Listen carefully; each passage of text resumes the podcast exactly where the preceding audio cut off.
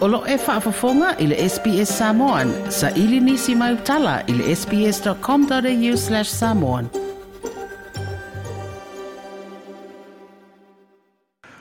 Ua mō lia e leo leo se tasi o pātele sinia o le Ekalesia Katoliko Roma o le sa avea ma Bishop i Broome i Western Australia.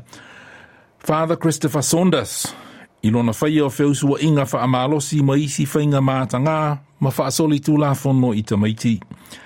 E se whunu ma iwa mō lianga o Bishop Christopher Saunders e au fi ai mō lianga e se whunu ma le wha o le wha o lima mātanga mō lianga e lua o wheusua inga wha amalosi ma le whaia o soli tū la whono wha wheusua inga ma se tamaititi i lalo o lana tausinga o mōlianga e a fua mai i le lua se fulu tausanga ua tuanai i le lua afe ma le valu na whai ei a aina ngā lue ai Christopher Saunders i Western Australia i a ai o Broome, Kananara ma Kalamburu.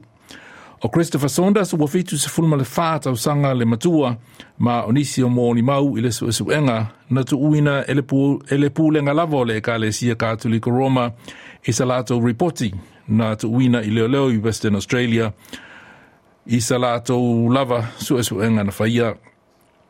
Na le Archbishop of Perth, Timothy Costelloe, o tu ua inga pe o na mōli ai nei, Christopher Saunders, e mātu i a, ma e matua au ili ili o na. Allegations against the former Bishop of Broome, Christopher Saunders, are very serious and deeply distressing – especially for those making those allegations. It is right and proper, and indeed necessary, that all such allegations be thoroughly investigated. Le Archbishop of Perth, Timothy Costelloe. Na te ena le talo sanga Saunders e sa tala o ia i tua ini a inga po o le veil o ana nafi na tula iai i le whaamasino ngai Perth. A i Broome.